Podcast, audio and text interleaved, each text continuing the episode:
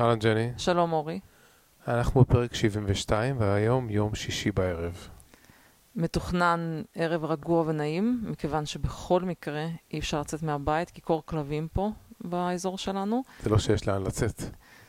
אבל במזג האוויר הזה אני אפילו לא יוצאת לזרוק את הזבל. אני לא מראה את האף שלי בחוץ. עכשיו, כאילו, בשביל קליפורניה זה לא, בשביל העולם זה לא כזה קר, אבל בשביל האזור שלנו נראה לי שזה יחסית אה, מתחת לממוצע הרגיל.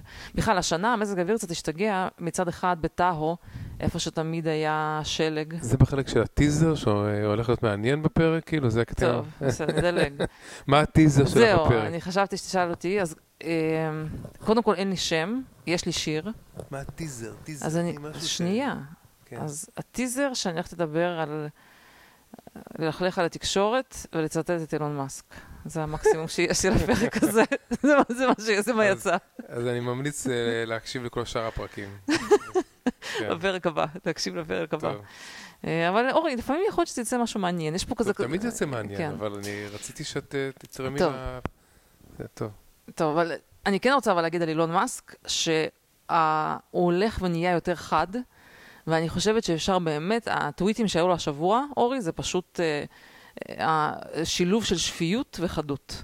ואני באמת הולכת להקריא כמה. אין לי בעיה, אני לפחות חושבת- את צריכה להסביר לי, כי אני לא הבנתי את אין הכל. בעיה, אני חושבת אבל שבאמת אם נגיד יעשו איזשהו תרגיל כזה, כן, וייתנו לו שבוע להיות נשיא ארצות הברית, מה זה יהיה פה שינוי דרמטי. אתה לא מבין? תהיה אחת משתי אפשרויות. או שהעולם יתפחם, או שיהיה בסדר. זה התפחד. זו מילה שהמצאת עכשיו. טוב. אה, זהו, זה נשמע שהמצב כאילו רגוע, אבל יש לנו קצת בקליפורניה פה איזה מכת פשע, נכון? אה, רק ככה לצייר את הדברים, רק לצייר את התמונה מ-24 שעות האחרונות, מה שאני ככה ראיתי בקטנה. אז דבר ראשון, אה, הרגו איזה מישהו בסן פרנסיסקו, כאילו זה בכלל כבר קבוע, איזה מישהו מסכן שהגיע מאפגניסטן, כאילו הסיפור ככה, בן אדם ניצל אה, מאפגניסטן, מכל המלחמות, הצליח להימלט משם עכשיו עם כל ה-evacuation, והלך לעבוד בתור נהג Uber בסן פרנסיסקו, ואיכשהו הצליחו להרוג אותו שם, כי זה, כל העיר הזאת הפכה להיות עיר פשע. לא תוך כדי עבודה. לא הבנתי בדיוק, לא, כן. כי זה בחקירה. אה, סתם עוד משהו שיש פה לידינו Whole Foods בסנטה קלרה. בן אדם הלך שם לסופר, אז שודדו אותו באיום האקדח. כאילו, זה דברים הזויים, אני לא יודעת זה מה סנטה אתה... קלרה של אה, זה Square? סנטה קלרה Square? היותר קרוב אלינו. לא יודע מה כן, זה. סנטה קלרה Square. אני- זה גם אזור יחסית כזה, אתה יודע, מאוד הומה אדם, להגיע למצב שאנשים מרגישים שזה בסדר ללכת לשדוד מישהו כאילו בכניסה, בכיכר, בש... אתה, יודע, זה, אתה יודע, כמו לשדוד מישהו בקניון. נגיד, בארץ המקבילה של זה, לא יודעת, איזשהו קניון יחסית גדול, כן? זה לא, זה מקום יחסית אה, רציני. אגב, לפני, אה, לפני יומיים שדדו שעונים מאנשים בסנטנרו. כאילו, זה באמת איזושהי מכת פשע. עכשיו, אנחנו, היה כתוב, שלח לי איזה משהו שנשדד כן. שעון שעולה 30 אלף דולר. כן. זה אני גם לא אומר ברור איך אנשים אני יודעים אומר משהו מה זה. שיבדוק את הפריבילג' שלו קודם, לפני ש... וגם קיבלנו איזה מייל מה, מהדיסטרק של הבית ספר שלנו, שבאיזה בית ספר, באחד בית ספר התיכונים, אחר. בית ספר, כן, זה זה, שהיה שם? איזה, היה, עצרו איזה תלמיד עם אקדח. כאילו, כאילו הילדים התחילו לריב, והמורים שמו לב שהם מעבירים איזה חפץ, כאילו, ואז ראו שזה אקדח. בקיצור, אנחנו באיזה מכת פשע, וכמובן, אה, אתה יודע, נשאלת השאלה, אה, למה הגענו למצב הזה, כן?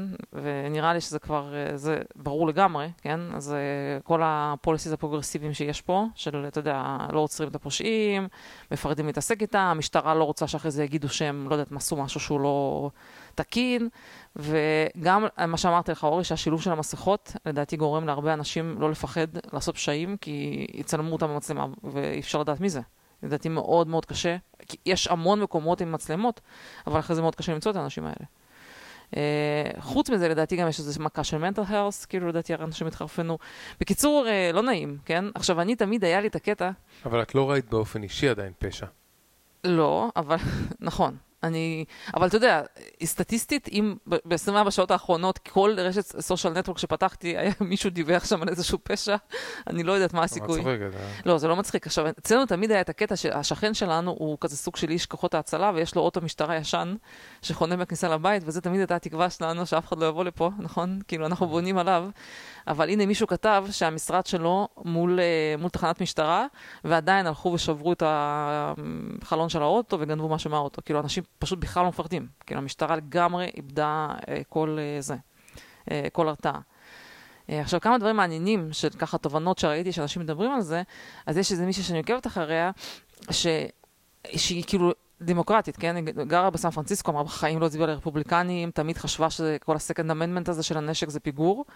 אבל מה שהיא כתבה, היא אמרה, עכשיו אתם צריכים להבין למה, עכשיו אני פתאום מבינה את הקטע של second amendment. עכשיו אני מבינה למה אנשים צריכים שיהיה להם נשק, כי החוזה, כאילו עם, עם ה-government, שאנשים לא מחזיקים נשק, ובתמורה לזה, המשטרה שומרת עליהם, כן? אבל אם המשטרה לא עובדת יותר, אז מה אתם רוצים שאנשים יעשו? אז אנשים הולכים וקונים נשק. עכשיו, מה שאני אמרתי לחברה שלי, אמרתי לה, הדו, כאילו, זה מדהים שמי שתרם הכי הרבה ל-second amendment הזה, ושכנע אנשים שצריכים נשק, זה דווקא הפרוגרסיבים. בזה שהם גרמו למשטרה לא לתפקד, ובזה שהם הורידו את האמון של האנשים, בזה שכאילו המשטרה תתפקד ותשמור עליהם, הם גרמו לאנשים עכשיו לרצות שיהיה להם נשק. זה כן. מדהים שהפרוגרסיבים שהם כאילו אנטי second amendment, הם עשו את הפרסומת הכי גדולה שיכולה להיות לסקנד אמנדמנט. מה הם מצפים עכשיו, שמישהו יסכים לוותר על הנשק שלו אחרי שהם רואים שהמשטרה לא מתפקדת? כאילו באמת, זה איפה, מה, מה, מה... אז מה הסיבה באמת שאנחנו לא קונים נשק, ג'ני? אה, לא, אני, קודם כל אני לא, אני חושבת שזה עדיין הרבה דברים אנקדוטליים, עם כל הסיפור הזה של הפשע, אני לא מאמינה שהמצב, אני, אולי אני טיפשה, כן, אולי המצב גרוע. אז אתה יודע, אולי באמת צריך להגיד, אוקיי, תראה, בכל מקום אתה שומע שקורה משהו, אז אולי צריך לקנות. אני חושבת שבקליפורניה, קודם כל, ראית שזה בעיה. יכול להיות שאתה תשתמש בנשק הזה, ואחרי זה יאשימו אותך. אתה יודע, זה מסוכן. מה זה, כן, למה שאני רוצה לי נשק? מה אני יכול להפסיד אם אין לי... תראי, בגלל שאין לי בנות, אולי, אז אני, אני כאילו פחות, פחות חושש לביטחון האישי. למה? מה קשור? אה, נראה לי שזה יותר מפחיד אם יש לך ילדות קטנות וכאלה, לא יודע. לא יודעת, לא נראה שזה הבדל אנשים פסיכיים באים... אבל אה, אם מישהו רוצה לגנוב משהו, כאילו, אז מה? הכי מפחיד שמישהו ייכנס לך הביתה. עדיף שכבר יגנוב מאשר שאני אנסה להילחם בו. לא, תראה, לנו יש, יש לנו עוד שיטה, יש לנו דגל ארה"ב על הבית, שזה כביכול בא לרמוז שיש פה פסיכים, גרים פה פסיכים, שיש להם, שיש להם אולי דברים לא טובים בבית, אבל לדעתי כבר אף אחד לא מזיז.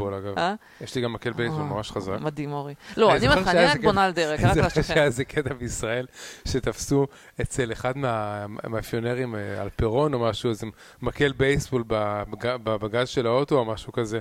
אז כאילו, אתה יודע, בארצות הברית אתה יכול, יש לך תירוץ, כאילו, אני לא יודע מה, אני חובב בייסבול, אבל בישראל.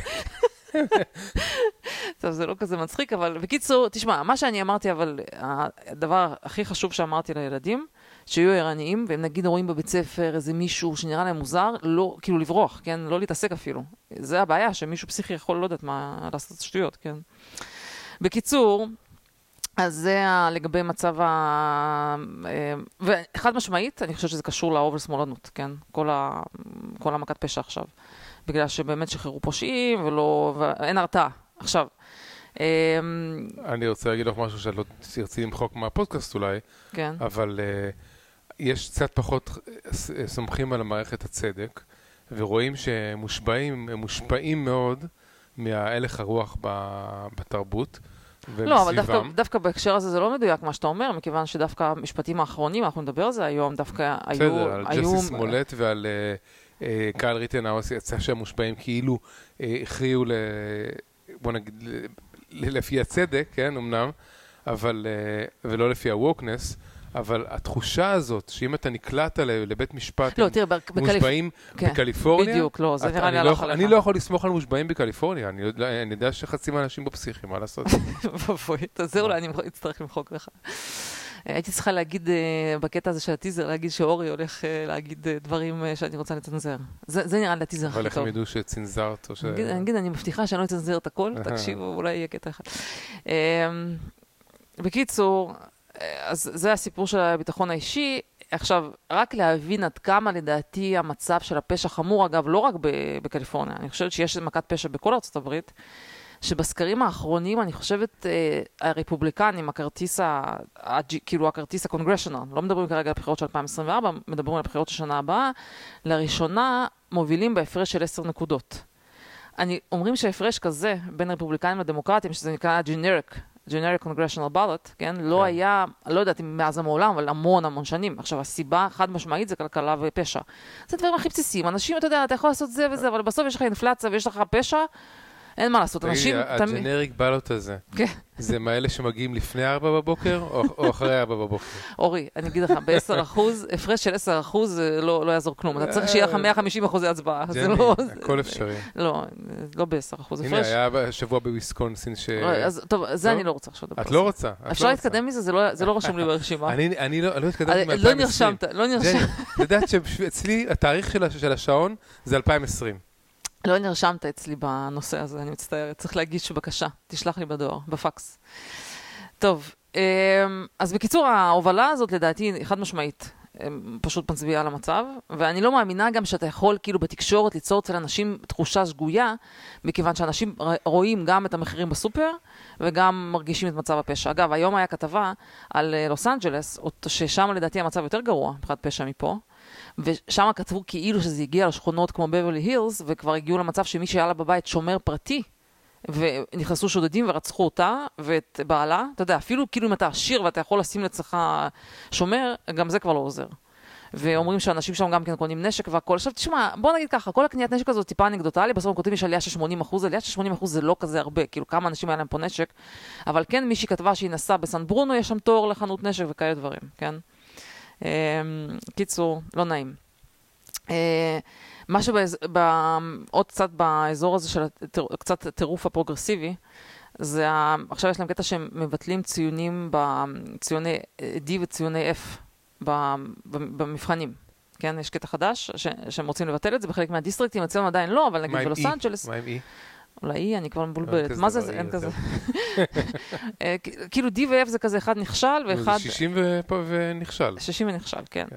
עכשיו, אז יש שם, היה אצלנו בקבוצה איזה דיון כזה, אתה יודע, כמובן הרוב חושבים שזה טירוף והכל, אבל יש את הפרוגרסיבים שאומרים, טוב, אולי זה לא כזה גרוע, ויש בזה היגיון, כי הם כאילו ניסו שם לסבן בכתבה למה זה בעצם רעיון טוב, כן?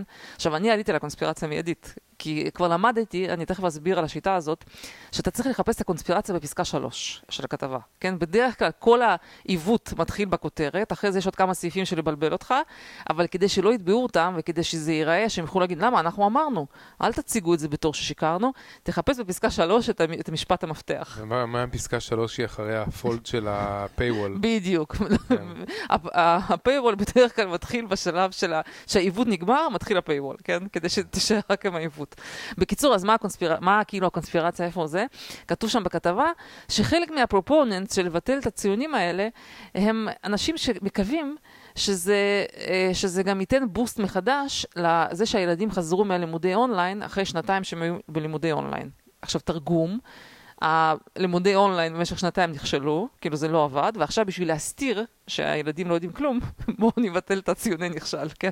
זה פשוט נטו כל הקונספירציה של הדבר הזה, כי, תשמע, בסוף יש כל מיני דירוגים לבתי ספר, ואתה צריך לראות מה רמת האנשים שאתה יודע, הפרופישן בזה, מה רמת האנשים שפרופישן בזה, מה הממוצע והכול. אם אין לך ציוני נכשל, אז אתה גם כאילו, כולם הצליחו, הנה, כולם יודעים לקרוא, כולם יודעים מתמטיקה, אין, אצלנו אף אחד נכשל, הכל מצוין, כן? ובפועל, לדעתי תבוא תבדוק, לדעתי חצי לא יודעים לקרוא. איזה חצי? אולי לא יודעת כמה. בקיצור, אז, אה, אז עליתי, על ה, עליתי על הקונספירציה שלהם. אמ, טוב, עוד משהו שקצת הטריד אותי, אמ, לא הטריד אותי, טוב, החדשות של היום זה כאילו האינפלציה, כן, זה לא... אני אפילו ראיתי שבוויינט כתבו על זה, כתבה, על זה שהאינפלציה 6.8 אחוז, מה שנקרא CPI. אבל זה לא הפתיע או משהו כזה. לא, זה לא הפתיע, זה, אני חושבת שזה טיפה מעל התחזיות. שוב, שזה כמובן מטורף, ה-6.8 אחוז הזה, כן, זה, זה לא, וגם יש כמובן טענות שבפועל האינפלציה הרבה יותר גדולה, כן, ותכף אני, תכף אני נדבר על זה, מה אני חושבת על זה. וקודם כל רציתי לשאול אותך בנושא הזה, מה לדעתך 17 זוכי אה, פרס נובל חושבים בנושא הזה, אם זה זמני, לא זמני, זוכר שהיה איזה קטע ש-17 זוכי פרס נובל אמרו שזה רעיון טוב לעשות, להדפיס כסף, כי זה בעצם, זה מה שבעצם פותר אינפלציה. זה, יעשו את הבילד, אתה יודע שטראמפ עכשיו קורא לזה בילד back worse. אז הם יעשו את הבילד back, כן. build back worse, build back better, אז זה בעצם לפתור את האינפלציה, זה בעצם טוב להדפיס כסף. כמה שנדפיס יותר כסף, יהיה פחות אינפלציה, כן? אה, אז השאלה אם, אה, השאלה אם עכשיו הם עדיין טוענים את זה, או שיש להם כבר, אה, או שיש להם גישה חדשה. אני חושבת שיש כרגע מו- מודים ברשויות, בממסד, לצורך העניין, שרת האוצר, הנגיד של הבנק, הם כאילו מודים שזה כבר לא טרנזיטורי, שהאינפלציה כאילו היא זמנית, כבר כאילו מודים שהיא לא זמנית, אבל אומרים שזה יירגע, זה איפשהו יעצור. עכשיו, מה שאותי הכי עצבן, שהבנתי שאחד המוצרים שהם הכי אינפלציה, אתה יודע איזה מה המוצר שהמחירים שלו עלו בטירוף? נו. זה מוצר שאני צורכת הרבה. בוא נשמע מה אורי חושב שזה מוצר שאני צורכת הרבה. לא יודע. מה לא יודע, מה אני, מה, מה אני צורכת? משחת שיניים? זה זה נגמר תוך שנייה, תוך שבוע, משחת שיניים שלך. לא, אני, המוצר שאני צורכת הכי הרבה זה קפה. אז אומרים שזה אה. אחד המוצרים שממש כאילו, גם בברזיל, שזה מה מדינת... אני אגיד לך, אני לא ראיתי, כל ההעלאות מחירים שאומרים, אני לא ראיתי את זה ממש בסופר. אה, אגב, כן, זה מעניין. אה, אבל הנה, מישהו כותב, the CPI is saying, is saying inflation is 6.8 אחוז, but I'm on a, אה, כאילו כולם אומרים ש- the prices for raw material at the coffee shop, יש מישהו שיש לו כאילו חנות, יש לו חנות קפה, ואומרים שהמחירים 20 עד 40 אחוז across the board, כאילו ספציפית בקפה, באמת אה, עלייה יחסית גדולה. מה שמעניין, אה, רגע, מה רציתי? אה, מה שמעניין שכאילו השוו, יש איזו טענה כזאת של אינפלציה בכל העולם. כאילו זה לא רק בעיה של ארצות הברית, ומישהו השווה את ה-CPI. אני מדברת איתך כרגע, לא, נגיד שזה אינדקס שהוא יחסית שאתה יכול להשוות איתו. אז uh, יפן תמיד יש להם את הקטע הזה שהם איכשהו הצליחו מדינה ללא אינפלציה, אז הם כאילו הכי נמוך, 0.1 אחוז. כן, סתם נגיד ערב הסעודית נמוך וזה, ואז אנחנו מתחילים להגיע לתחתית הטבלה, אוקיי, ונצואלה 1575 אחוז, כן, שזה מטורף, אבל ארה"ב היא מאוד באזורים הלא טובים, כן? רוסיה אינפלציה של 8%, ארה"ב 6.8%, כאילו, ארה"ב היא כאילו אשכרה עם, עם ברזיל וטורקי, ו, וטורקיה וארגנטינה ודברים כאלה, כן? זה די מבייש שהם הגיעו לרמות אינפלציה כאלה, ולדעתי זה חד משמעית קשור לדפסת כסף, אין הסבר אחר. אתה יודע, היה כל מיני סיפורים והכל, לדעתי זה נטו שהם הגזימו עם ההדפסה. תראי, אני לא, אני הייתי חושב שהאינפלציה יכולה להירגע, כמו שהם אומרים, מהמם. אבל יש אלמנט אחד שהוא אלמנט שהוא אה, איש, בלתי נשלט, וזה הסיפור שמדינות אחרות התחילו לאט לאט אה, להחליף את ה-reserve currency שלהם מדולרים לדברים אחרים. מהמם. זה כדור שלג, כי ברגע שמדינה אחת רואה שהערך של... מדינה אחרת מתחילה למכור והערך של הדולר יורד, אז נלחצים וגם הם מוכרים, ואז זה ממש יכול להיות אה, קטסטרופה לדולר. כן. אה, כן, בקיצור, אה, אני לא יודעת, אני לא... אני, אני, אני מסכימה איתך שכאילו אני לא מרגישה את העלאת מחירים הזאת בצורה מטורפת. אבל הנה, עכשיו יש לי חבר שכתב שהוא מחפש אה, דירה במיאמי, כן? והוא אמר שמשהו מטורף מה שקורה במחירים. כי מחירי שכירות הוא לא, הוא לא דמיין כזה דבר, משהו כמו 7,000 דולר דירת שני חדרים. כן, זה, זה ממש מחירים מטורפים, אורי. אז אני לא יודע, אולי זה היה ביקוש פר מקום, אני לא יודעת מה להגיד לך, כן? אבל זה למשל, מה, דירת שני חדרים במיאמי הייתה עולה 2,000 דולר לפני שנה וחצי. זה באמת לא הגיוני. אה, לא יודעת. טוב, אה, זהו, בהקשר הזה, אה, אני כן אבל רוצה לשאול אותך שאלה קצת, אה, קראתי כתבה מבריקה השבוע, נראה לי שלפי זה שאמרתי שכתבה מבריקה אתה הולך לנחש את התשובה לשאלה. לשאלה. לשאלה, מה אה, הביטקוין החדש? אה,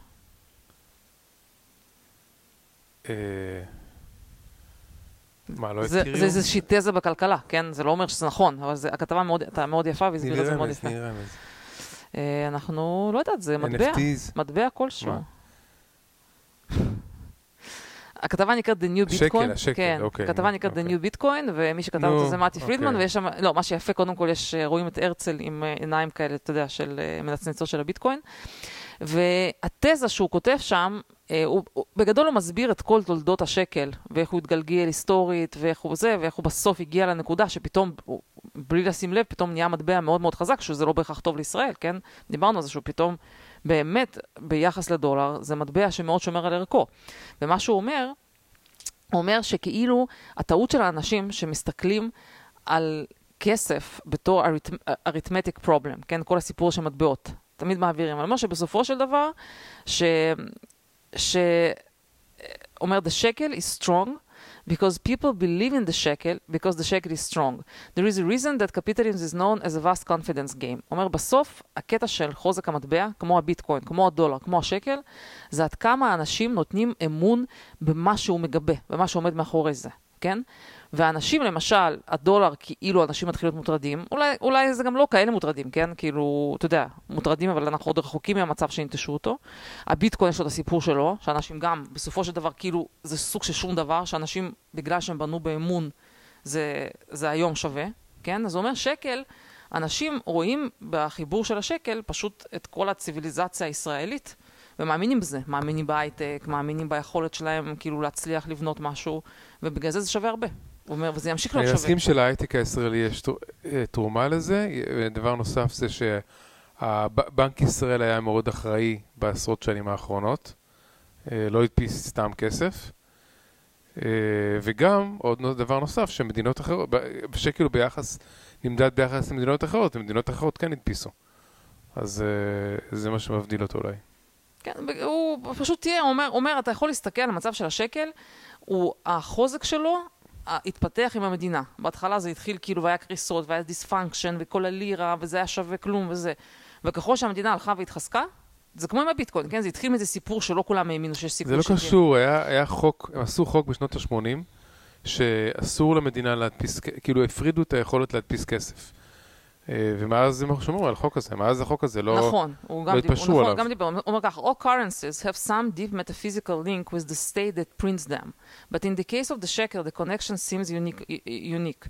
Uh, בקיצור, הוא אומר שאנשים פשוט מרגישים שמדינת ישראל היא materialized כבר לרמה כזאת, שכאילו אפשר לסמוך על המטבע שלה. זה בגדול הטיעון שלו, בסדר? זה, אם נגיד לפני 20-30 שנה אנשים עוד אמרו, טוב, ולא יודעת מה, אתם שם בלאגן ודיספונקשן ולא רציניים, גם האנשים בתוך ישראל כבר התנתקו מהדולר וכבר כאילו מספיק, השקל כאילו מספיק קיבל עצמאות. בקיצור, זה מעניין, לדעתי זה מעניין. אני אגיד לך עוד משהו, כן. שתמיד כשהיה בישראל בעיות אה, פוליטיות, גיאופוליטיות, כאילו מלחמות וכאלה, אז זה היה פוגע בשקל והשקל היה יורד, מהמם. מהסיבה שמשקיעים אה. מבחוץ היו לוקחים את הכסף. מהמם. והגיעו למצב כזה שבשנים האחרונות בעצם כמעט ואין כסף זר שמוחזק בישראל בהשוואה למה שהיה בעבר, באחוזים, ולכן כי אף אחד כבר לא מפחד מאוד מלחמה, כי אף, אין כבר מי שיוציא את הכסף שלו מהשקל. אז אחת הסיבות שהשקל הוא חזק, זה, כי, תקופה ארוכה הוא היה חלש, הוא היה לא, יציב, הוא. ביטא את האמון ביכולת של המדינה כאילו להחזיק את עצמה, כן? כאילו אנשים פשוט לא מספיק סמכו על כל הישות הזאת שנקראת מדינת ישראל. והיום סומכים יותר, ואני אוסיף לך עוד משהו. אני גם אדבר על זה בהמשך. בסוף ההסכמי שלום, שעכשיו היו בשנה האחרונה, לדעתי הם מאוד חיזקו כאילו את כל התפיסה של איך ישראל במזרח התיכון והכל. אפילו עם כל הבעיות של איראן, לדעתי זה מיצב עוד יותר מחדש את המדינה. כאילו, בסך הכל, כאילו חדשות חיוביות לישראל. לא יודע, אני חושב שישראל בסכנת סוציאליזם.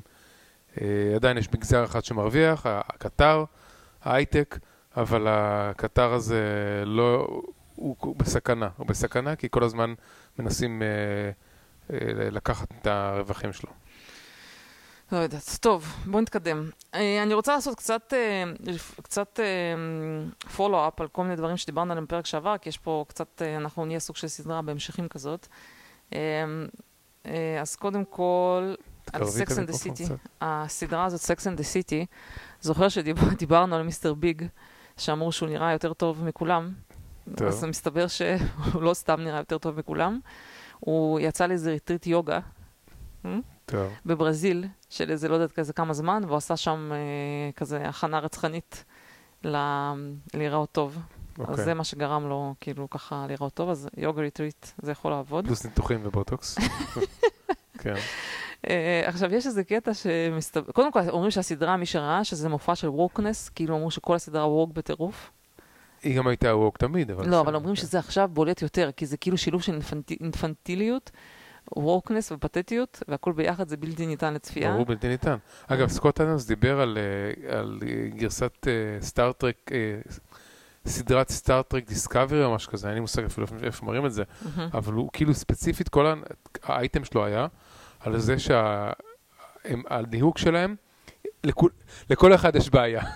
לכל אחד כאילו ב cast, זאת אומרת, כן. כבר בסטארטרק המקורי היה סדרה מאוד פרוגרסיבית מזה שהמהנדס שם היה, אה, סולו היה אה, משהו, מיסטר סולו ועוד איזה מישהו, והייתה שם מישהי שחורה או הרה, משהו כזה, כן? שבקיצור, הם הייתה מאוד, הם היו כבר מאוד פרוגרסיביים בשנות ה-60 כבר, שהביאו שחקנים מ... לא, לא גברים לבנים. והוא אומר, הפעם כאילו כולם, כל אחד עם משהו, כמו שסיפרתי לך על הסרט הזה, checklist. של ה... כן. אה, אה, נו, איטרנלס. והוא אומר, הוא אומר, אני, הוא אומר, אני בתור תסריטאי, כאילו, כתבתי תסריטים בחיים שלי, ברגע שיש לך את המגבלות האלה, שכאילו אנשים יש להם כל אחד את שאתה, זה כאילו משהו- זה בעצם. פלטפורמה, שבעצם הסרט זה פלטפורמה לקדם כל מיני social זה- cause. כן, כאילו, אבל זה, אוקיי. מג- זה שיש לכל דמות איזשהו אידנטיטי כזה מוזר שאנשים, כאילו, מה זה מוזר? ספציפי שאנשים מייחשים- משייכים אליה, זה נורא מגביל אותך בתסריט. זאת אומרת שהתסריט by definition הולך להיות תסריט גרוע, הוא, הוא, בגלל שהוא מוגבל בכל ה-wokeness ש- אתה הזה. יודע שמישהו כתב, אז הצחיק אותי, ש- שמה שכרגע מציל את הסרטים, אתה יודע, הסרטים האמריקאים, שהם, אה, שהם צריכים אה, להיות אפילינג גם לסין, כי הם רוצים להיות להצליח גם בשוק הסיני, ואם זה כאילו יהיה עוד יותר ווק, אז הם כאילו זה כבר לא יעבור שם את הגבול, כי הס- הסינים הם הרבה פחות ווק, כן? הם הכי לא מתחברים לדברים האלה. אז אה, הם אומרים שהם נאלצים קצת כאילו למתן. אז אני לא יודעת אם זה נכון, לא. אבל אני לא יודעת אם אפשר לעשות את זה לדעתי, יותר woke. מה צריך לעשות, צריך לעשות. אתר או איזה אינדקס כזה, שנותן ציון על wokeness לסרטים. ו... anyway, מה שרציתי, מה שרציתי להגיד, אה, עכשיו עוד סתם קטע מצחיק על הסרט הזה, אין פה איזושהי פואנטה חוץ מזה שזה כנראה בלתי נסבל. לראות, כן, אז מה שרציתי להגיד על ה- מה שקרה עם Sex and the City, זה, אני לא יודעת אם מיסטר ביג או מישהו אחר, מישהו שם מת על פלוטון, יש שם איזה קטע כזה, אני נראה שאני ראיתי. ומסתבר שפלוטון כתוצאה מזה שהוא מת שם בסדרה, אז אני לא יודעת מי זה מהדמויות, המניה ירדה היום, והם נאלצו להוציא כזה הבהרה, החברה נאלצה, ירדה באיזה 5%, החברה נאלצה להוריד, להוציא הבהרה, שבדרך כלל אה, הסיבה אם אתה מת מהתקף לב, זה מאוד נדיר שאתה כאילו מת מפלוטון, וזה קשור, כאילו ניסו להסביר ש... יש להם גם 17 זוכי פרסי נובל ש... שאמרו ש... שמגבים אותם, ו-50 גופי אה, ממשלה, אה, מודיעין. תקשיב, אני אומרת לך, זה מרגיש פשוט סימולציה, זה לא יכול להיות שאנשים רואים סדרה והמניה יורדת כתוצאה מזה. למה לא? למה לא? לא יודעת, זה פשוט היה, זה מצחיק. אמ, עכשיו, עוד מסוג הדברים שקורים רק בסימולציה, את- את- את צח- צחקנית, את צחקנית היום. טוב, עוד, דבר, עוד מסוג הדברים די, שקורים רק בסימולציה. עם הצחקנות. אפשר להגיד? בלי לצחוק. תקשיב, הילרי קלינטון, יש כזה סוג של סטארט-אפ, שהוא כבר לא סטארט-אפ, הוא מאוד מצליח, שנקרא מאסטר קלאס. שבעצם כל מיני סלבריטי מוציאים שם קורסים בתחום שלהם. נגיד, יכול להיות ששחקן, מסביר להיות שחקן, זמר, בסדר, זה משאבת כסף, כן. כן. עכשיו, הילרי קלינטון, עכשיו אני, אני רוצה רגע ככה להתייעץ איתך בנושא. הילרי קלינטון הוציאה פרק, אה, הוציאה קורס, משהו באיך להצליח בפוליטיקה. במאסטר קלאס? כן, באמת? כן, שנייה. כן, אז היא הוציאה קורס איך להצליח בפוליטיקה, משהו בסגנון הזה, וכחלק ממנו היא הקריאה את נאום הניצחון שהיא תכננה להקריא ב-2016, כחלק מהקורס הזה. אוקיי. עכשיו, אה, יש לזה פרסומת, אה, עכשיו כמובן עשו מזה מלא בדיחות, וזה כאילו, אתה יודע, מאסטר קלאס באיך להיכשל, איך להיכשל בתור פוליטיקאי, כאילו הדברים הטריוויאליים. עכשיו, אני קיבלתי את הפרסומת שלה בפייסבוק, של הקורס, כאילו להירשם למאסטר קלאס לקורס שלה. עכשיו, הסתכלתי, היה לזה 7,000 תגובות, 7,000 כאילו תגובות, כן? והסתכלתי, מתוך ה-7,000, 6,800 היה כאילו צחוק, שכאילו אנשים חושבים שזה בדיחה, כל הס- כאילו כן. לא, לא רציני. עכשיו אמרתי, אוקיי, קודם כל, יפה שאנשים כאילו לא קונים את ה cringe הזה של הילרי קלינטון, כאילו הפוליטיקאית הכושלת, כן? ש...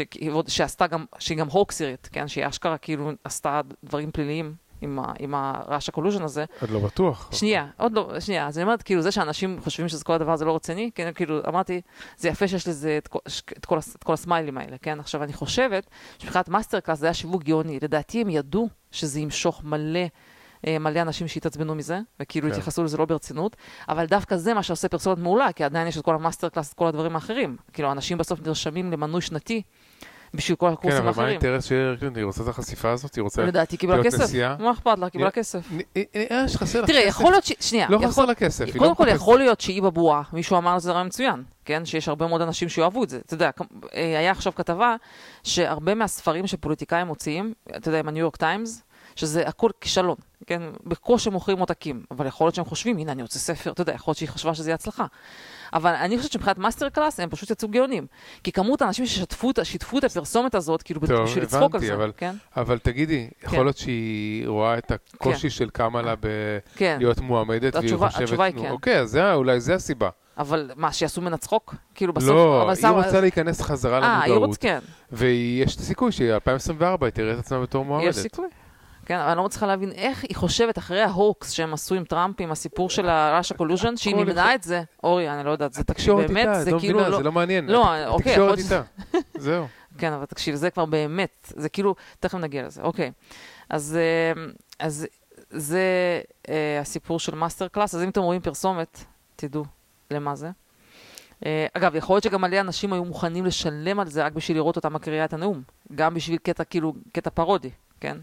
טוב, קדימה, תתקדמי. אה, אוקיי, עכשיו follow-up על המשפט שדיברנו של Smollett שבוע שעבר. אוקיי. כן, עכשיו, אז קודם כל הוא הורשע בחמישה מתוך שישה אישומים. אה, שזה כנראה היה צפוי, אני חושבת ששוב אנשים יחסית אה, אה, אמרו לטובה על המושבעים. אגב, הכותרת של CNN, כן, שהוא guilty on some counts. on some counts. לא לא on most counts, on some counts. כן, ל-CNN הייתה עוד כותרת גאו- גאונית השבוע, הציתו את עץ חג המולד בניו יורק שעומד מול פוקס ניוז, אז CNN, הכותרת שלהם, ומישהו נעצר, כאילו מי שהצית את זה, ומה הייתה הכותרת של CNN? שעץ עולה בלהבות. caught fire. caught fire, עץ תפס, תפס, כאילו, כן. כן. מכוניות עושות פיגועים ועצים תופסים, אה, תופסים אה, אוקיי, פייר. מה עם ג'ס- ג'סי אז, כן? מה שהיה מעניין אבל זה שאוקיי, אז הוא, אה, אז הוא באמת הורשע, וברגע שהוא הורשע, הרבה מאוד אנשים הרגישו כאילו שזה עכשיו לגיטימי לחזור אחורה ולהסתכל שוב על מה התקשורת אמרה על המקרה הזה. כן? זאת אומרת, עכשיו אמרו, אוקיי, היה את כל הראיות, אבל עכשיו שהוא הורשע, הוא באמת אה, עבריין מורשע, בואו נראה איך התקשורת, וצצו המון קליפים של כל אה, בכירי התקשורת האמריקאית. פשוט משתתפים, פשוט בהצגה, ממש בו- מזילים דמעה, ויושבים, ואיזה נורא מה שעשו לך, כאילו יכול להיות כולם... שהם האמינו לו, למה... אורי, אבל? התקשורת לא אמורה להאמין להוקסס, נכון? אתה, אורי, אתה אבל יכול להיות שנפלו בפח, מה זאת אומרת? זה מה זאת קורה. אומרת נפלו? לא. תקשיב, הם לא... הם, קודם כל, באותה תקופה הרבה מאוד אנשים אמרו שזה, הרגישו שזה שקר. בסדר? שזה היה נראה, נראה מסריח מדי. התקשורת בדרך כלל, אם הם נופלים בכזה פח, אז איזה פחים עוד נפלו? לא, מי אבל רוצה זה- לראות אותם? אבל זה אם הם לא פח מסוגלים. שגם התאים לנרטיב שלהם. ברור. נוח ליפול בו, אבל הם לא... הם לא יכולים להגיד שהם עשו את זה בזדון, שהם האמינו לו. הם כי הם- רצו, אורי, פשוט הם לא רצו להאמין בזה. כן, נכון? ואני גם, ו, ואני אומרת לך, אבל כשאתה רואה את ה... אתה יודע, אם התקשורת היא סבירה, אם היא סבירה, נניח שהם אמרו, אוקיי, אנחנו לא בטוחים, אבל נשמע שיש סיכוי שזה נכון, אתה יודע, לא היית חייב לעשות רעיון של, אה, של חמש שעות ב-NBC, לא, אתה יודע, משהו, יכולת לעשות משהו כזה ברמת דיווח חדשותי, נראה, נחכה להתבררות. הצורה שבה זה פשוט מרגיש כאילו שזה שחקנים. לא נראה לי, כאילו, הם ממש, זה, זה אי אפשר להסתכל על זה. אז אני רק רוצה להמשיך שהתקשורת היא כאילו לא, הם לא באמת מפיק- מפיקים לקחים. כי אני רק רוצה להקריא לך ותגיד לי מה הבעיה בכותרת שהם כתבו היום, כתבו היום על, אה, על המשפט. כן? אני מקריאה לך. Jussie Smollett repetition of a lie, כאילו, עיתון, שמאל, עיתון שמאלני כותב, Jussie Smollett's repetition of a lie did not make it true. It's a strategy he might as well have learned from, ממי הוא למד את ה strategy הזה של לשקר? כמובן, דונלד טראמפ. When caught in a lie, double down, lie more. כן, אז, אז מישהו כותב שאני מאוד מעריכה אותו שהוא עיתונאי מעולה, אומר, guys, you are not supposed to make this shit this obvious, כן? כאילו במקום להודות, תקשיבו, טעינו. אנחנו באמת, אנחנו השתתפנו בכל ההוקס הזה ביחד איתו, הם מחפשים דרך כאילו עוד פעם לרדת על טראמפ. כאילו זה נראה לך הגיוני שאחרי שהבן אדם כאילו אישית אמר שהסיבה שתקפו אותו זה בגלל טראמפ, להוציא את זה ש, שהוא למד מטראמפ איך להיות שקרן, זה נראה לך כותרת הגיונית באיזשהו עולם שהוא שפוי. אה, אני ממש, עכשיו, זה, זה, גם לא, זה גם לא פעם ראשונה, היום, אולי הוא למד מהילרי קלינטון, אגב. כי- בדיוק, איך לעשות הוקס אם כבר. כן. עכשיו, אחרי זה שנייה, אחרי זה אתה ממשיך, אות- אותו הכתב, היום הוא ציטט עוד כמה כתבות כאלה שבהם, כאילו זה, בוושינגטון פוסט, וושינגטון פוסט, הכותרת אומרת את הדבר הבא, opinion, Putin barrels toward invading Ukraine and co- encouraged by Trump. אז הוא כותב, If you read only this piece, you wouldn't know Joe Biden is president and has been for almost a year. כן? כאילו, מה קשור, איך טראמפ קשור לזה שפוטין עכשיו אה, מנסה, מנסה לפלוש לאוקראינה? כאילו, זה, הם פשוט באמת לא מסוגלים לרדת מזה, והם מנצלים כל הזדמנות עדיין להיכנס בטראמפ. פשוט לא, זה פשוט איזושהי אובססיה חולנית. זה, אי אפשר לראות את זה. עכשיו, אני רוצה רגע אה, אה, ולהמשיך. אה, עם כתבה מאוד מאוד איכותית שקראתי השבוע באמת באזור הזה. שנייה, אני, שנייה, אפתח את זה. טוב, אני לא מוצאת את זה, אבל מה שהכתבה אומרת, פשוט בצורה ממש יפה, היא אומרת שכל הסיפור הזה של עשו נגד טראמפ עם הסיפור של Russia collusion, אומרת, זה כאילו הקונספירציה הכי גדולה בתולדות של אמריקה. זה פשוט מדהים שעד עכשיו אף אחד לא שילם על זה מחיר. אמרו זה פשוט לא נתפס שה-FBI מזייף ראיות בשיתוף פעולה עם הדמוקרטים הכי בכירים בקונגרס, גם שיף וגם פלוסי, הם הרי שיקרו שהם יודעים על ראיות סודיות שאף אחד לא יודע מהם ולכן הם עושים אימפיצ'מנט, כן? וכל הדבר הזה, הם ממש מתארים שם איך כל הגורמים, איך כאילו פשוט בכירי האנשים, כל המדינה ביחד פשוט קשרה את הקשר הזה, ואף אחד לא משלם איזה מחיר. אנשים אומרים שזה פשוט לא נתפס, שבעבר העולם היה בנוי על זה שאם מישהו fucked up, כאילו, נגיד ה-FBI וזה, והיו מקרים, כן, שעשו דברים גרועים, היה איזשהו קטע של רפלקשן, כאילו, ניסו לעשות איזה רפורמה למוסדות האלה, משהו, אבל פה כאילו, בסדר, כי. העיתונות, העיתונות הייתה יחסית הנה, היא כותבת, אה, סליחה. מצאתי את זה. Russia Gate is the biggest scandal in American history. Nothing come close in size, scope or harm to the republic than the years-long effort to cripple Donald Trump's presidency by claiming he conspired with the enemy state to steal the 2016 elections, כן? כאילו, אנשים פשוט באמת, ואז מישהו ממשיך כותב, our government faked a scandal in order to convince half of America. זה government, זה כאילו, הם זה עדיין לא- היו משוכנעים אגב, האנשים אה? האלה. הם עדיין... Our government faked a scandal in order to convince half of Americans that the nation was being run by a hostile foreign power.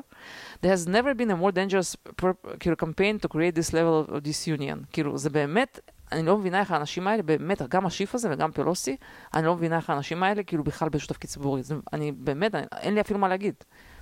אין, אני לא יכולה... נראה שאנשים עדיין מאמינים בזה, כן? ועדיין אני רואה, הייתי אומר, איזה לפחות 50% מהדמוקרטים עדיין אה, בטוחים שהיה שם, היה בזה משהו. זה לא שסתם דיברו על זה כל כך הרבה. טראמפ הצליח להתחמק מזה שהוא מחוסר עניין לציבור, או אה, הוא ניסה... שהוא הצליח, לא יודעת מה, כן, זה, אין לי אפילו מילים, ועכשיו עכשיו גם, תשמע, גם הסיפור הזה מהסכם שלום, היום עכשיו, עכשיו היה את הספר הזה של אה, רביד, נכון? שיגאל רביד, שכאילו, ברק רביד. של ברק רביד, שכולם כמובן אה, דיברו על הציטוט נגד ביבי, וזה פחות מעניין אותי, אבל מה שהוא כתב שם, שהוא כחלק מהספר, הוא מסביר עד כמה הסכמי שלום האלו היסטוריים, שלדעתי בעיניי נכון. בעיניי זה אחד ההתפתחויות, כאילו, וזה באמת בזכות טראמפ, כמה שהם יכולים להגיד מה שהם רוצים, אבל באמת עשה מעשה ששנים לדעתי ישפיע לטובה. נכון. ואני מזכירה מה התקשורת אמרה, שזה הסכם נשק, נכון? בסדר. עכשיו לגבי, אני רוצה כן לדבר על הסיפור הזה שהכותרות היו על זה שטראמפ היה מאוכזב מביבי, על זה שביבי בירך את ביידן. כאילו הכותרות בתקשורת בישראל זה, אה, טראמפ הלוזר לא ידע להפסיד וציפה שביבי אה, יגבה אותו בלוזריות שלו שהוא לא ידע להפסיד ולא, ולא יברך את ביידן. עכשיו זה לא מה שהיה. כשביבי בירך את ביידן, זה היה פשוט מוקדם מדי בשביל מדינה שהיא חברה של הברית ומישהו ש... שעבד עם טראמפ כל כך הרבה דברים. זה היה מוקדם מדי. כי, בת... כי באותו זמן שביבי בירך את ביידן, זה היה לפני הרבה מדינות אחרות, וזה היה לפני שטראמפ שה... טראמפ כמובן מעולם לא עשה concession, כן? על זה שהוא הפסיד בבחירות, אבל זה היה לפני שלכאורה נגמרו הפרוצדורות, ה...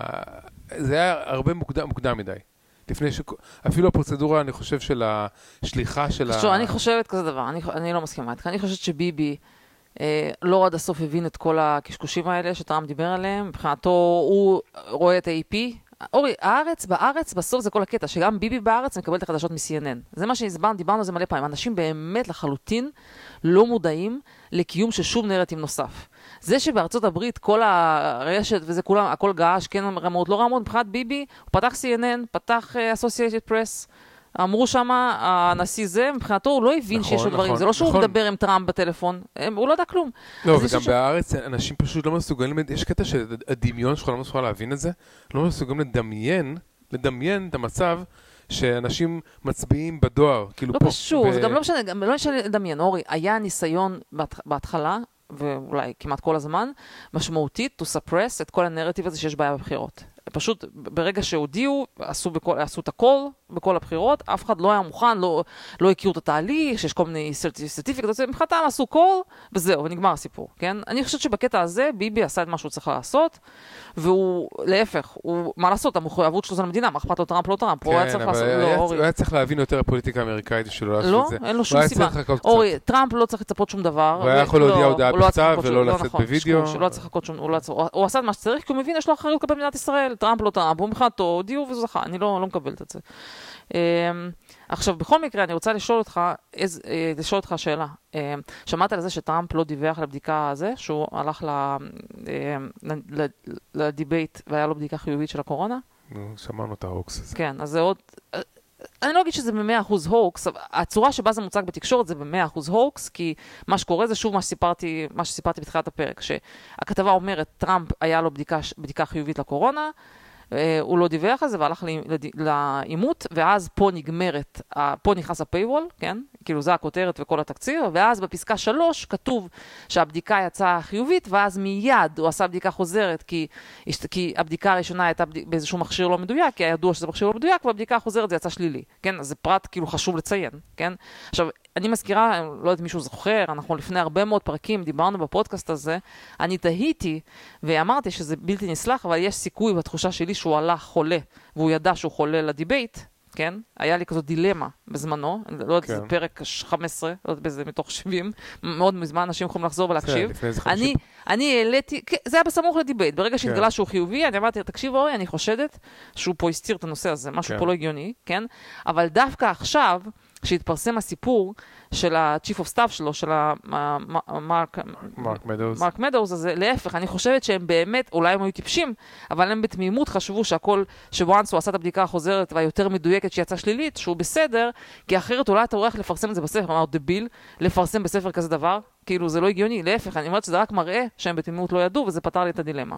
anyway, אבל התקשורת כמובן היום, כבר עוד כמה אנשים שלחו לי, את יודעת שהוא הלך, שהוא היה חיובי לזה? זה פשוט מדהים. אבל זה לא סיפור לפני שבוע, שבועיים? אבל אנשים ממשיכים. למה זה חזר היום? זה ממשיך להסתובב, מה לעשות, זה ממשיך להסתובב. חוץ מזה, אנחנו בפרק שבועי, נכון? אנחנו מסכמים את כל השבוע. לא, אני חושב שאמרנו את זה עכשיו, השאלה שלי, אני אומרת, בשלב הזה, מה שאתה צריך לשאול אותך, מה שאתה צריך לשאול את עצמך, או המאזינים צריכים לשאול את עצמם, מה לא, לא הוקס, כן? בינתיים, כמעט הכל הוקס. אני לא יכולה לחשוב, אני לא יכולה לחשוב על נושא שהוא לא הוקס.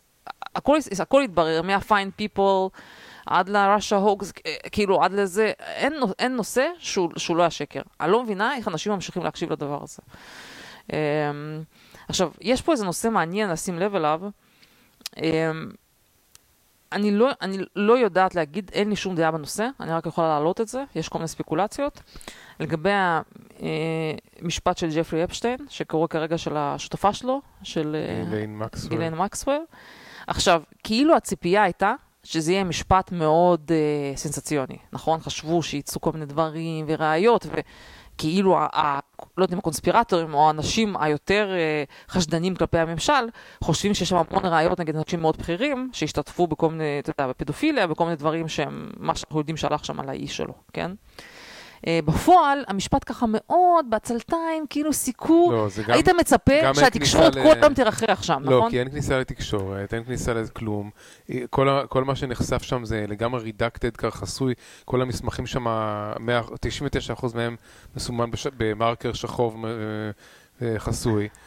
כן, uh, אז נשאלת השאלה, שוב, במצב רגיל... טוויטר סגרו את החשבון בדיוק. של, שעקב אחרי המשפט. בדיוק, בדיוק.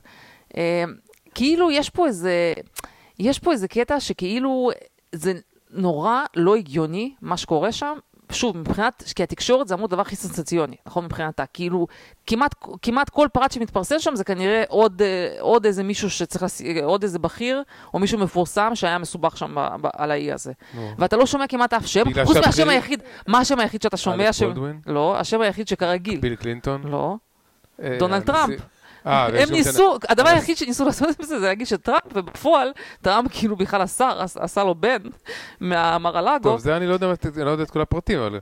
לא קשור, הם, הפרט היחיד שדלף מהמשפט הזה, שהטייס שלו אמר שמתישהו פעם הוא תפס טרמפ עם טראמפ, בכלל לא קשור לכלום, טראמפ תפס איתו איזה טרמפ באיזה מטוס, ורוב... שנייה, אני אסביר את הרקע, אוקיי? כן. מסתובבים בעולמות הקונספירציה, כן. מסתובבים כבר הרבה זמן. כן. אה, סיפורים שבעצם האי הזה של אפשטיין, הוא היה מביא אליו אה, הרבה נערות. אנשים חזקים ועשירים, כן. וגם בחור, אה, נערות צעירות, אה, מתחת לגיל הקטינות. זה היה לא קונספירציה, זה כאילו סוג של ידוע, זה, זה ידוע שהיו שם נערות, זה נראה לי ברור. ג'ני, כן. מנטפליקס היה את זה, אבל אני חושב שמה שנטפליקס עשה זה white washing, הסיפור האמיתי, שנטפליקס גרם לזה להישמע כאילו שהנערות היו שם בנות 17 וחצי.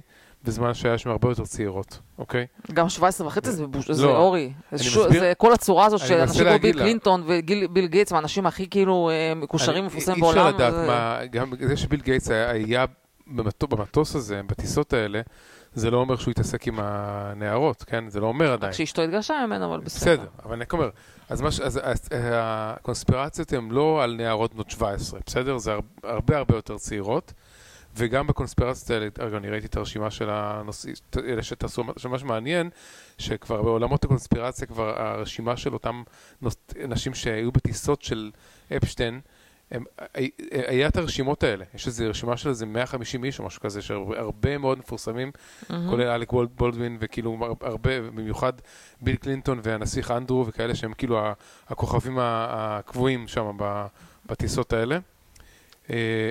והתברר בעצם שעכשיו התגלו עוד 20 אלף אה, דוחות טיסה חדשים שלא היו יודעים קודם, מהמם. וגם זה כנראה עדיין חסוי. לא, אני אומרת לך, הדבר היחידי אבל- שדלף מזה זה כן. השם הכי לא רלוונטי. הבן אדם, עכשיו, תקשיב, זה לא שטראמפ הוא זה, הסיבה שהוא עשה בן, ל- מה הסיבה שהוא עשה בן לאפשטיין ממר הלאגו? כי הוא ניסה להתחיל עם הבת שלו. הוא ראה שזה צרות. ברור הוא שהוא ראה שהבן אדם כאילו לגמרי מושחת, פחד אלוהים, כן? לא, אבל אני אומרת, טראמפ בקטע הזה, יש לו קבלת, הוא לא פראייר, כן? יש לו קבלת החלטות טובה, הוא מזהה איפה יש בן אדם, הוא כאילו, שאתה לא מתקרב אליו, כן? כן. אז אני עכשיו, אומרת, אני- הפוך, אני דווקא ש- זה ש- דווקא- דווקא זה מצביע שיקול דעת טוב שלו, שכל המפורסמים, ביל קלינטון, מי שאתה רוצה, כולם נפלו בפח הזה, והיחיד שלא נפל, או לא יודעים מה היחיד, כנראה שיש עוד הרבה אנשים אגב, אחרים, השופט רוברטס, אה, למשל, כן? יודעת. מה?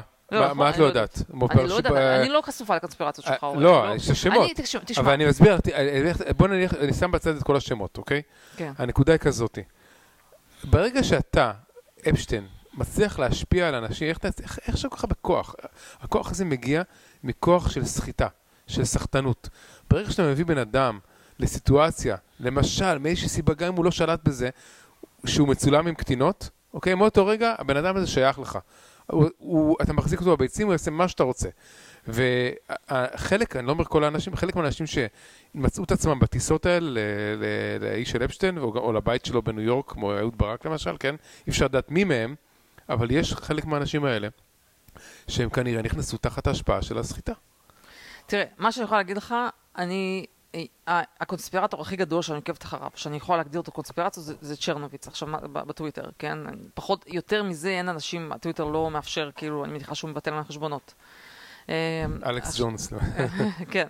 עכשיו, צ'רנוביץ הוא בן אדם מאוד, אה, כאילו מאוד חד בדברים האלה. כאילו, שמתי לב, הוא היה בין האנשים שכאילו נחשב קונספירטור, הוא בין הראשונים שחשף שכל הסיפור הזה של הראשה גייט, שזה הכל שקר, עשה על זה סרט, וכאילו שנים הוצג כקונספירטור, והיום היה ברור שהכל צדק, כן?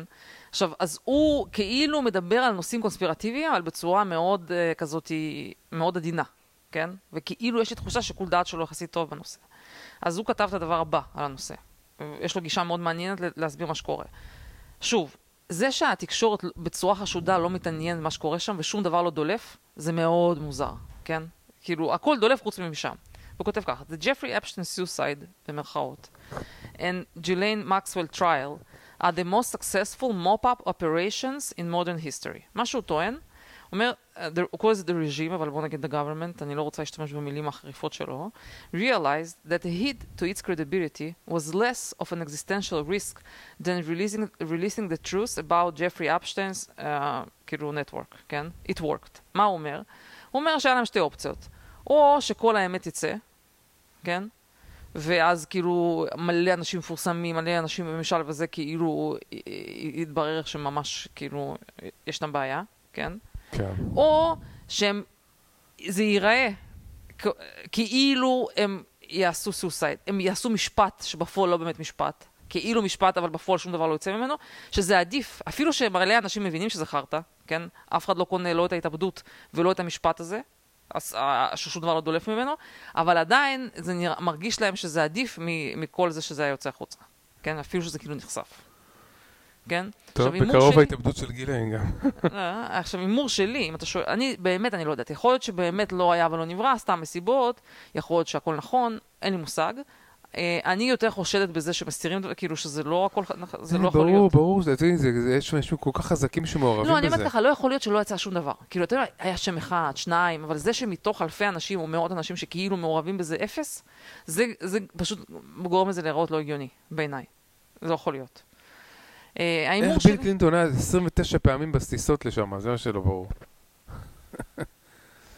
טוב. הימור שלי, הימור שלי שבסוף, כמו כל דבר, בסוף הדברים יוצאים. זה בסוף יצא, כנראה לא עכשיו. כן. יש גם בישראל פרשה של אה, משה חוגג, איזשהו מיליונר כזה שהיה הבעלים של בית"ר ירושלים. תפסו, עצרו אותו גם כן במיליון אישומים שקשורים לסחר בקטינות וכאלה דברים, ומסיבות פרועות וכאלה עם קטינות. נו, ז- הסתה לזנות וכאלה דברים. כן.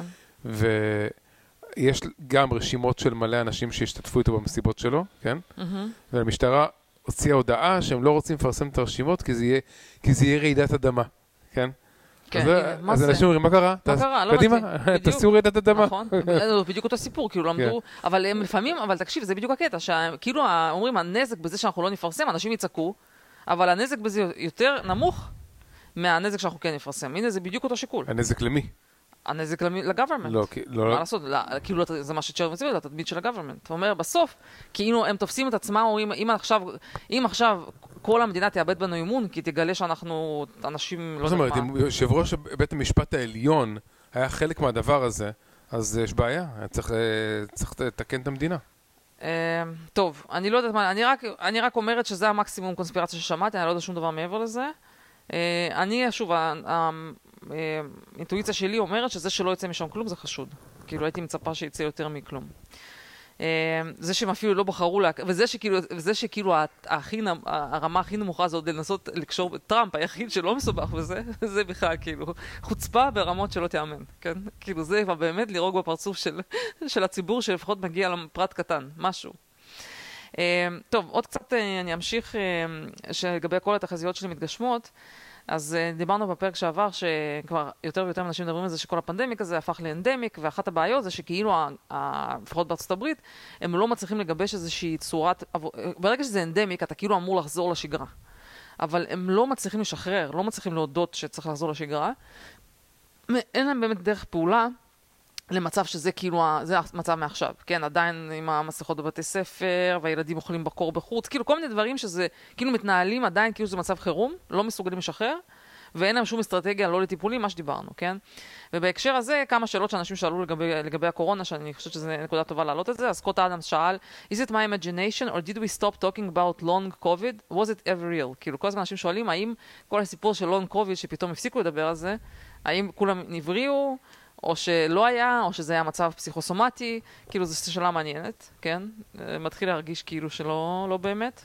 אמ, ודבר שני, גם אנשים בשמאל מתחילים בארצות הברית, בארץ, אני לא יודעת מי זו הקבוצה הזאת, מתחילים לזהות שזה שאנשים לא, אנשים לא מודעים לטיפולים, זה ממש לא בסדר, כן? מתחילים להרגיש שזו החובה שלהם, העיתונאים, כן לספר לאנשים שיש טיפולים מעבר לחיסונים. כי כל מי שמתחיל להגיד, אה, יש איזה טיפול מסוים, כן, זה ישר מתחילים. ישר להשוות אותו לג'ו רוגן והתרופות לסוסים שהוא נותן. כן, אז אה, כתב של ווקס, שזה כאילו ב-woke land, אין יותר שמאלני מזה, כותב, Florida Surg...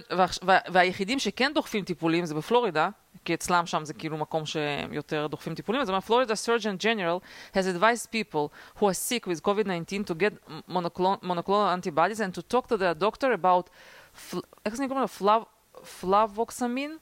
and inhale... ווקסמין. בקיצור, יש כמה תרופות שאומר שזה very sensible advice, וזה הכל FDA approved, ואומר שכאילו כמה שחיסון חשוב, אנשים חייבים להכיר שהטיפולים האלה מאוד אפקטיביים.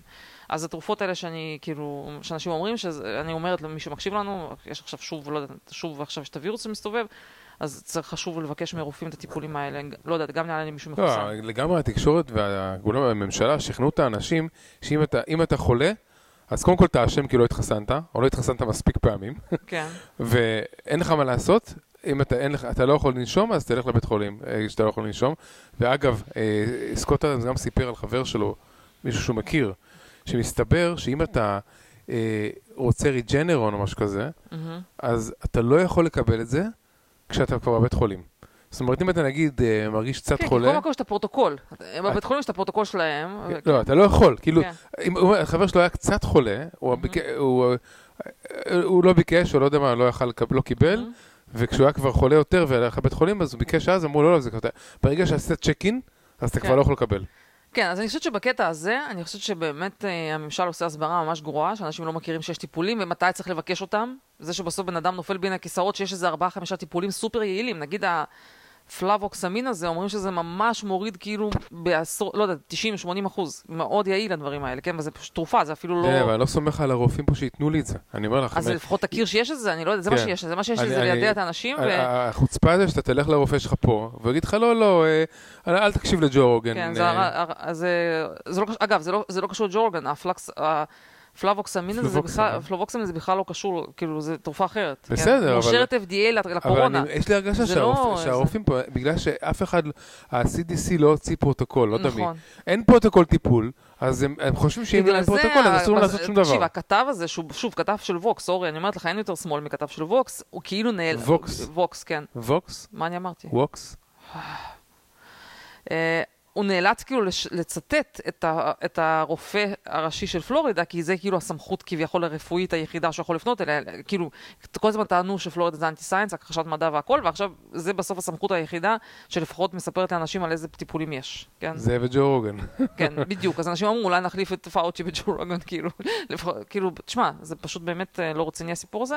לא, למה, למה. הם לא הוציאו פרוטוקול עד היום? שנ, שנתיים יש להם.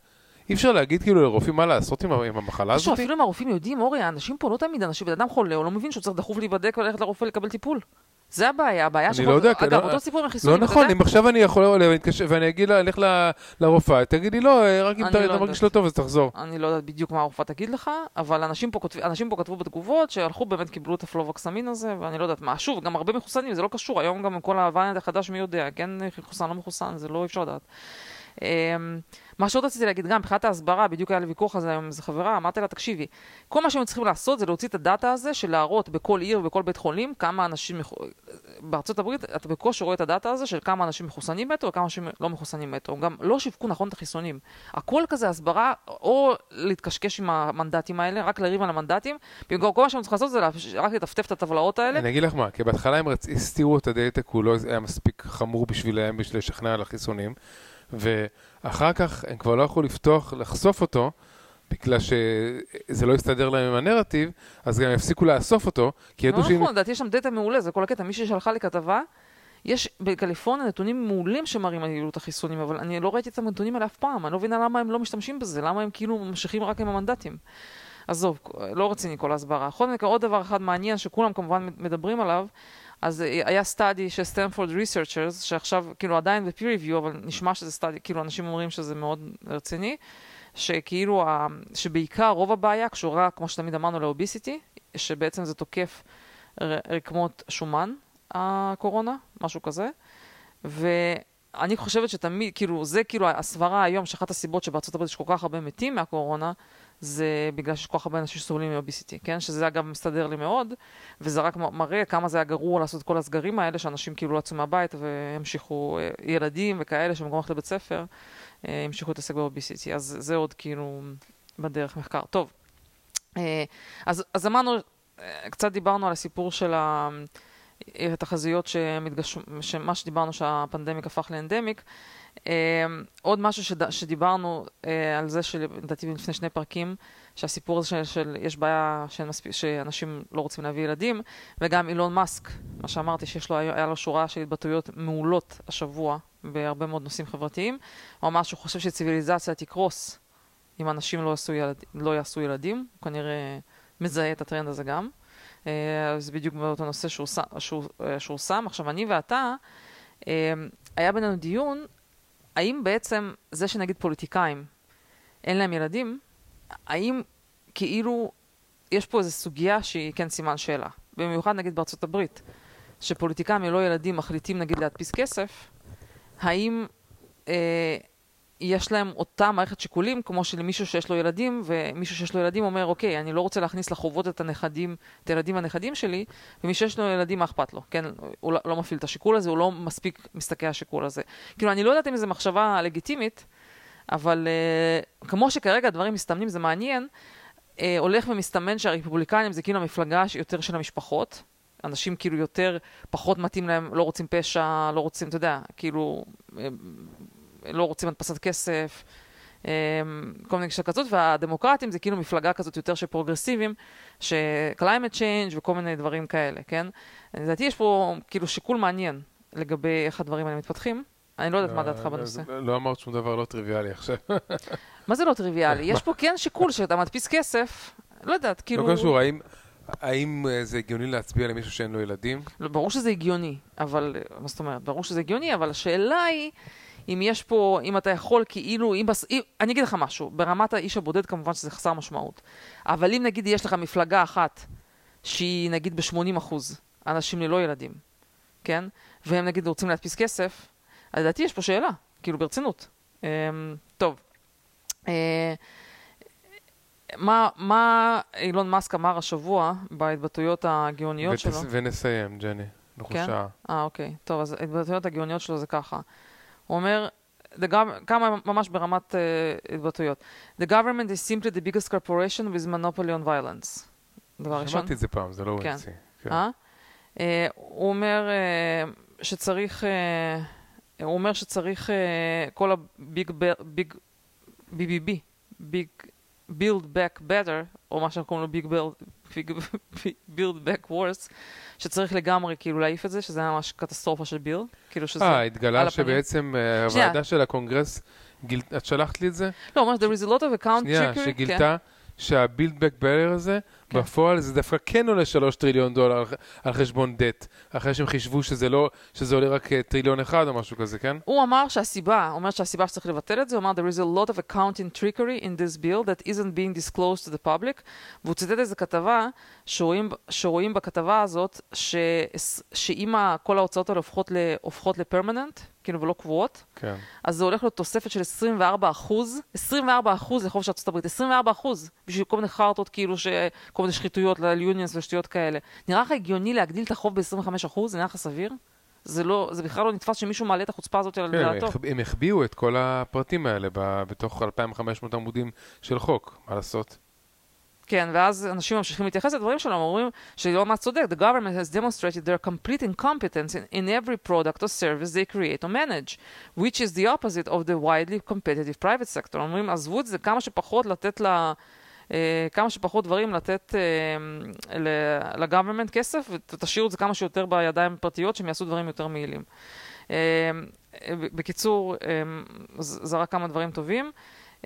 משהו עוד יפה שהוא אמר, אה, וכמובן הוא גם צדק לגבי ג'ק, לגבי טוויטר, רק ג'ק נכנס, כבר ראינו צנזורה, גם צנזרו את המעקב אחרי המשפט של מקסוול, אבל מה שעצבן אותי עוד יותר, זה שהם צנזרו חשבון שעקב אחרי המסחר של ננסי פלוסי במניות. כאילו ננסי פלוסי סוחרת במניות, והיא התעשרה מזה הרבה. נכון? יש לה איזה... שווה שהיא- 150 היא מיליון כאילו דולר. ה-speaker of the כן. house, כן? יש לזה 150 מיליון דולר. והיה account שכל הזמן פרסם, כי היא חייבת to disclose, היא- כאילו לפי החוק, היא היא חייבת רק להראות... עבדה בזה, כל החיים. כן, היא כאילו, היא כאילו הייתה חברת קונגרס, והיא התעשרה ל-150 מיליון, והיא ידעה לקנות טסלה בזמן וכל מיני דברים כאלה. עכשיו, אז account, כל מה שהוא עשה, כל פעם שהיא הייתה חושפת, disclose, את מה שהיא, מה שהיא, מניות שהיא קנתה, ה account היה מפרסם את מה שהיא קנתה, ואז כאילו אמרו לאנשים, תשקיעו איתה. כן, הנה, כמו שיש אנשים שמשקיעים איתם, אז כן. תשקיעו איתה. תסביר לי, מה... מה הסיבה שטוויטר חסמו את ה account הזה, חוץ משחיתות, הון שלטון? לא, זה מסתדר עם התפיסה הזאת של טוויטר מאותה סיבה שהם, יפסיק, שהם אוסרים את הפרסום תמונות של אנשים אחרים, שכאילו זה התעסקות בעניינים פרטיים של אחרים. אורי, זה לגמרי, לגמרי שחיתות הון שלטון. אין פה הסבר אחר. טוב, יאללה, עוד מה יש לא, לך? יש לי ממש דברים קטנים. אה, נקודה קטנה, שתי דברים קטנים. קודם כל, אה, יש הרבה מאוד התפתחויות מעניינות עם ההיספנים. אז דיברנו על זה גם כן, זה כזה קצת reflection על הפרקים שעבר, של, אה, שכל הסיפור של Latinx, שהניסיון של הפרוגרסיבים לקרוא להם, לקרוא להם Latinx, הוא כאילו נכשל, ושזה נורא מעצבן את, ה, את ההיספנים, גם מהסיבה שהם לא רוצים שיקראו להם לטין אקס, שידביקו להם כל מיני כינויים, וגם מהסיבה שהאות אקס, אי אפשר לבטא אותה בשפה הספרדית, וזה בכלל יוצא איזשהו קשקוש לא הגיוני. אז אה, סוף סוף הדמוקרטים הבינו חברי יותר קרבי. סוף סוף הדמוקרטים הבינו שיש בעיה עם זה וזה מעצבן את ההיספנים. עכשיו, מתי הם הבינו את זה? שהם נחרדו לראות בסקרים שאם פעם האמינו שהעתיד של המפלגה הדמוקרטית זה ההיספנים, שהם באחוזים גבוהים מצביעים לדמוקרטים, פתאום כרגע יש שוויון. עכשיו, השוויון הזה, כשמסתכלים על ההפרש בין הגברים לנשים, יש איזה, כאילו הגברים פשוט באיזה 70 אחוז מצביעים לרפובליקנים ההיספנים. כאילו לא מתאים להם כל ה-wokeness וכל הדברים האלה. אז אה, עכשיו, מה שהדהים אותי בסיפור הזה, למה אני מספרת כל הסיפור, זה מראה, זה פשוט מזכיר לי את מה שהיה עם הקומוניזם בברית המועצות. כאילו, היה את הדעה של המפלגה, אני ממש מסיימת כי זה מתחבר יפה לסיום, הייתה הדעה של המפלגה שאמרה, היום קוראים להיספנים Latinx, כן? ואם אתה העזת לא להסכים איזה, עכשיו תקשיב, זה רעיון לא טוב, אולי האות אקס אי אפשר לבטא אותה בשפה הספרדית, אולי נשאל את ההיספנים, אולי הם לא רוצים שיקראו להם Latinx, אולי הם רוצים לטינו ולטינה, או איך שהם רוצים. לא, מי ש... אתה גזען. אתה... אם אתה מעז לא להשתמש ב Latinx, אתה גזען. עכשיו שהם גילו שרק 2% מההיספנים מוכנים להיקרא בשם הזה, והם תופסים את זה כמשהו שפוגע בהם, הם לא רוצים להצביע לדמוקרטים, יצאה הוראה בדיוק הפוכה. עכשיו, אם אתה אומר לטין אקס, זה אימפריאליזם לבן, או אימפריאליזם... אפילו אם יש שמועה שטראמפ אמר לטין אקס. בדיוק, זה בעצם הכל, הוא המציא את זה. מה שהדהים אותי, זה השינוי של 180 מעלות, מדעה אחת שהייתה נכונה, לדעה הפוכה, שעכשיו היא כאילו נכונה, ושימוש גם באותם המושגים. פתאום זה נהיה אימפריאליזם, קולוניאליזם לבן או משהו כזה, להשתמש במילה Latinx, שמנסים להדביק לאנשים identity. זה כמו 1984, שתמיד... תמיד היינו מלחמה עם אירואסיה. אני, זה פשוט, אני ראיתי את זה, אני ראיתי את זה וזה עצבן אותי, וזה בדיוק המשפט האחרון שרציתי להגיד. אתה יודע של-1984 הם אישרו להוציא גרסה חדשה של הספר? שמעת על זה? לא גרסה, פריקוול. כן. פריקוול. כן. מראה איך הם הגיעו למצב הזה שאנשים ביקשו... לא, לא? אז אתה לא מכיר. אני רק ראיתי ב Babylon Bee, prequel ל-1984, שמסביר איך שאנשים הגיעו למצב הזה, לאח הגדול, ביקשו את האח הגדול כדי להתגבר על אה, מגפה. אה, לא, אז אה, הפריקוול, לא הפריקוול, הולכת להיות, הולכים לספר את 1900, אגב זה לא, זה סתם, זה בכלל מעניין. אוקיי, אוקיי. הולכים לספר את 1984, כאילו בגרסה הפמיניסטית. מהצד של ג'וליה, כן, זה מעניין, לא יודעת, לא יודעת מה זה יצא, אבל אני, כל, אני בעד 1984, כאילו, רק שלא יעשו את זה וואו, כן, אם יעשו את זה אז לא, כן, אבל כאילו כל לא, גרסה... כבר שאתה החלטת שיש גרסה פמיניסטית, כבר זה... בעיה. לא, תיאוריה, לא יודעת אם קראו לזה פמיניסטית או זה, אבל uh, בגדול אני בעד. זהו. Uh, שנייה. Uh, אז זה מה שרציתי לספר לפרק הזה. אנחנו צריכים לחשוב על שם, אורי תחשוב. ועכשיו יש לי שיר לסיום. תן לי עוד דקה אחרונה להגיד, כי יש לי שיר יפה. Uh, אז אנחנו עכשיו בארצות הברית בתקופה של כריסמס, כאילו לקראת כריסמס, וחלק שממש, אה, שאני הכי אוהבת פה, זה שתמיד יש שירים נורא יפים ואווירה כזאת מאוד כיפית, אפילו עם כל השטויות של הפשע והכל, יש אווירה טובה. כל השלג יורד. כן, כן, יש פה אח בוער, כן. ממש. אגב, האיכות של האוויר בירה ירדה בגלל שהרבה אנשים מדליקים את האח שלהם. כן. אה, חוץ מאיתנו. ואין שלג בטאהו. ואין שלג בטאהו. אבל עדיין יש אווירה קסומה כזאת, יש איזה עץ אשוח ב downtown סאני, וכאילו ככה יש קצת. נו, נו, נו, תתקדמי. ובקיצור, אה, אד שירן ואלטון ג'ון כתבו שיר כריסמס, בעיניי פשוט כיפי, מצב רוח מעולה, ממליצה להקשיב לו. אני הולכת להשמיע לכם חלק. אה, אז אנחנו, אחרי שחגגנו חנוכה כל השבוע, אנחנו במעבר חד לקריסמס, והנה בבקשה. בבקשה נא להקשיב. אורי, זה הולך יחסית הרבה להשמיע מאשר... לא, לא בטוח שמותר.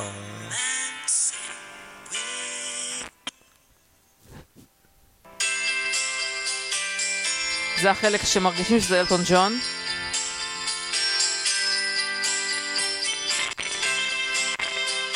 טוב, יופי. אוי, מה אכפת לך שיהיה לך שאנשים יחברו. אתה יכול להגיד שלום ושזה ימשיך לנגן. אחרי זה יורידו לנו... תן לפחות משפט אחד אלטון ג'ון.